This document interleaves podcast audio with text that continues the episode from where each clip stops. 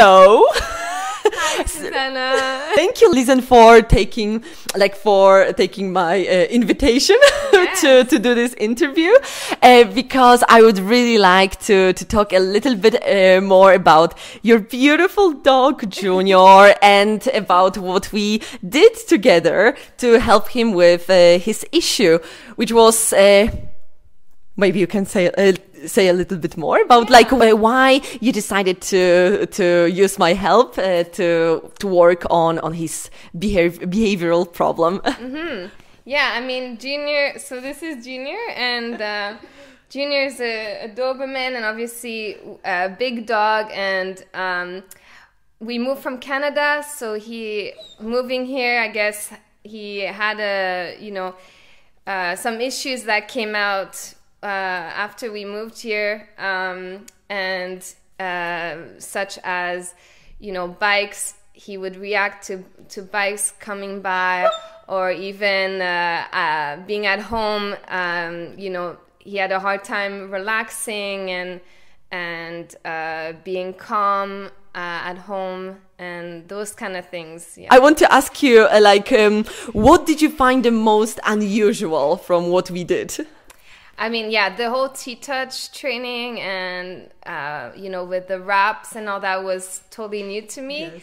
Um, but uh, what I really enjoyed was that it was a, a positive training because we only used positive training with Junior, and I I always wanted to continue using positive training. So this was a new positive training that I never uh, knew before, and it was very interesting because um, I never really, yeah, it, it was a new way to communicate with Junior, a new way to calm him down and make him also uh, more confident in his body, and using the so the the wraps. Um, which is really weird, right? Because uh, It is. putting stuff you you don't really think like okay what is it uh, doing and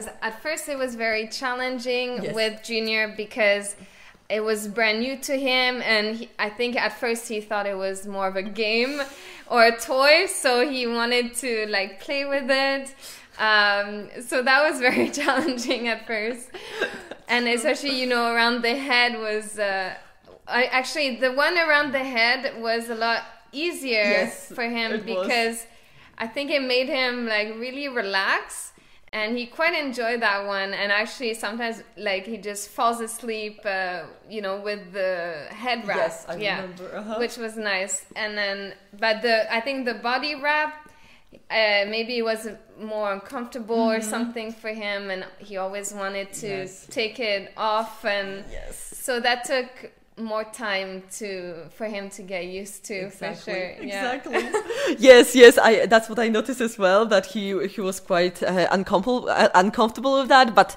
that's quite normal for many dogs because it's something completely new for them, like to wear this kind of things. Yeah. And it's very surprising that uh, he really ac- uh, he accepted so quickly the the the, the um, head wrap. Uh, but but you know it, it's not that he has to accept everything we do. Actually, the most important is to try different different wraps, different groundwork exercise, and see what what it what works for for the dog. Yeah. So we also did some uh, sessions outside. Uh, so my fiance uh, helped with the uh, skateboard.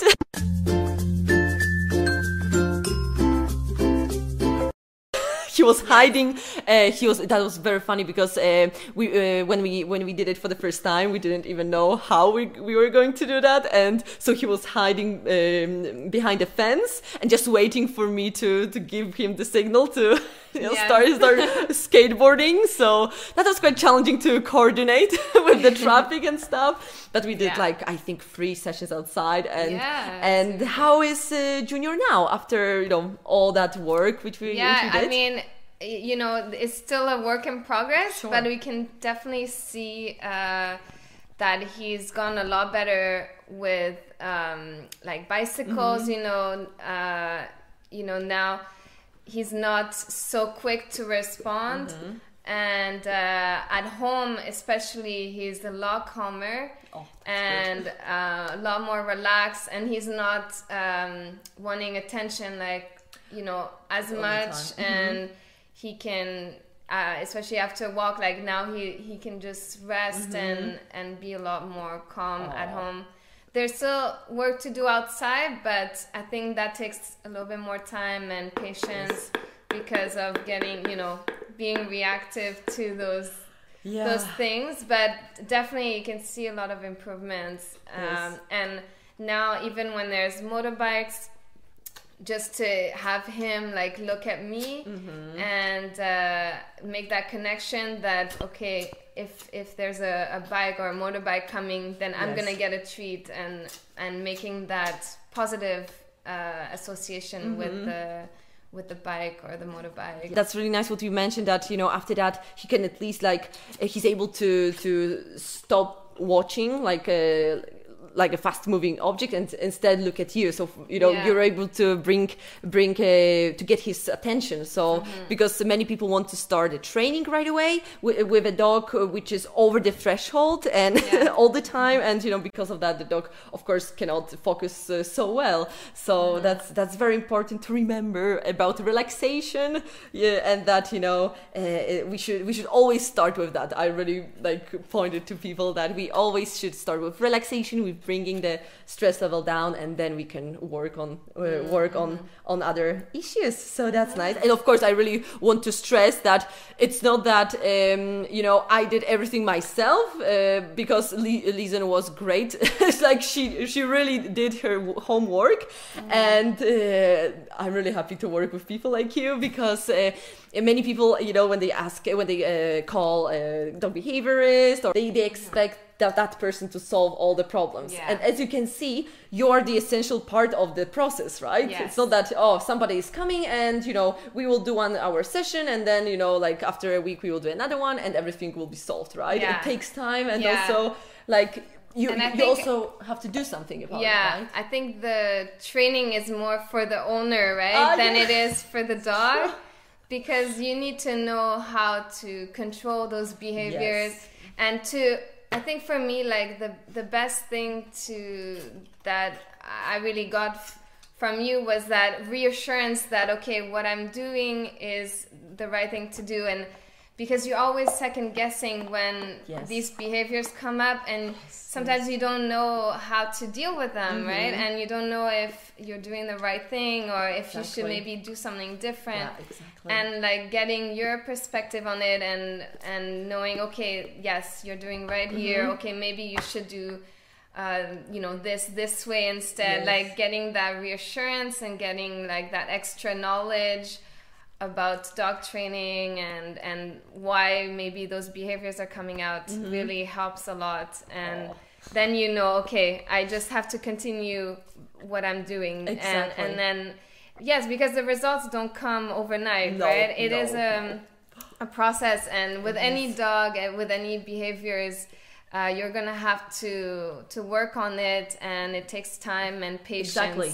yes exactly so yeah. but it's good to know that at least what you're doing contributes to the steps it needs to take to to get those behaviors Mm-hmm. Yes. uh, yes under control or or yeah make them better Oh, yeah, yeah, exactly. Because I don't treat myself as a you know as a person who knows everything, who has like solution for everything. I'm just mostly uh, I I'm there with the dog parent uh, to guide and to give some you know instructions like okay you can improve this, you can do this differently, or you can try this and that and see how it works. Because like I'm not the person who I'm you're the person who are with your dog most of the time. So mm. what can I do with that? I can just you know it's like give you some instructions and just some guidelines and and that's it so i really want i'm really happy that you mentioned that because people expect you know me or you know some other like dog behaviors to come and just you know they just want to, to give them uh, g- give give that person their dog and just uh, you know t- tell them ah just you know here is my dog just fix the problem. fix the problem. and just bring your dog uh, my dog back in two weeks you know? Yeah, but this is not how it works. It's Yeah. it's like uh it's like working on behavior like uh, on uh, on the emotional you know a level Yeah. and emotional state so it's a very Yeah. different process plus as you can see like when you know how to how to handle uh, you know this uh, the, the different situations and you, you become more confident then Yeah, exactly. it works very much I right then Yeah. then me as a parent, I become more as a parent. parent, I become more confident in knowing that I'm doing the right thing Yes. and that I'm working towards making his behavior better.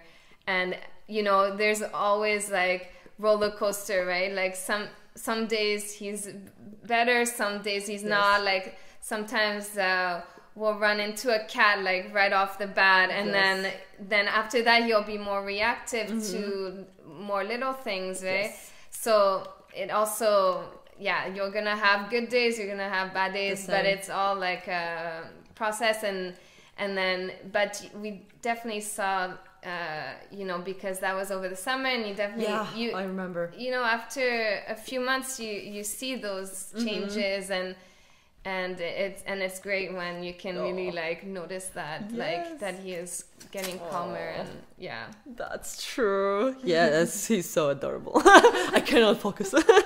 no, he's a very good boy. So it's also very important to remember that you know dogs uh, they don't have to be perfect. Many people think that oh my god, my dog has barked once today, so there is something going on. But no, it doesn't have to mean anything. Maybe you know there were too many triggers which you know stacked up, and now your dog is just more irritated or you know just more nervous. eh, Just with like with us, when we have too many things, uh, you know, which stress uh, which stress us out. We also get more irritated with somebody, you know, like wants something from us or, or Yes. something something else happens. So that's how we should treat our dogs as well, just to be more understanding. Thank you, Lisa. It was really nice working with you. Thank you very much for your um, cooperation and you know for for this interview as well. Thank I'm really so. I'm really happy that you could you could you could also share your experience with other dog. Uh, parents so they can know that you know even uh, if if they have some issues with their dogs they can still do something about it so yes, definitely no yeah i definitely Last can- word. yeah i yeah i can definitely um, say that susanna's a, a great uh, dog trainer and behaviorist and i really really enjoy working with her and junior really enjoyed working with her too and was excited every time you know she would uh, put up a new obstacle course for him and it was always a lot of fun Aw, yes I'm happy you both enjoyed that. yeah definitely. Thank you. Thank you.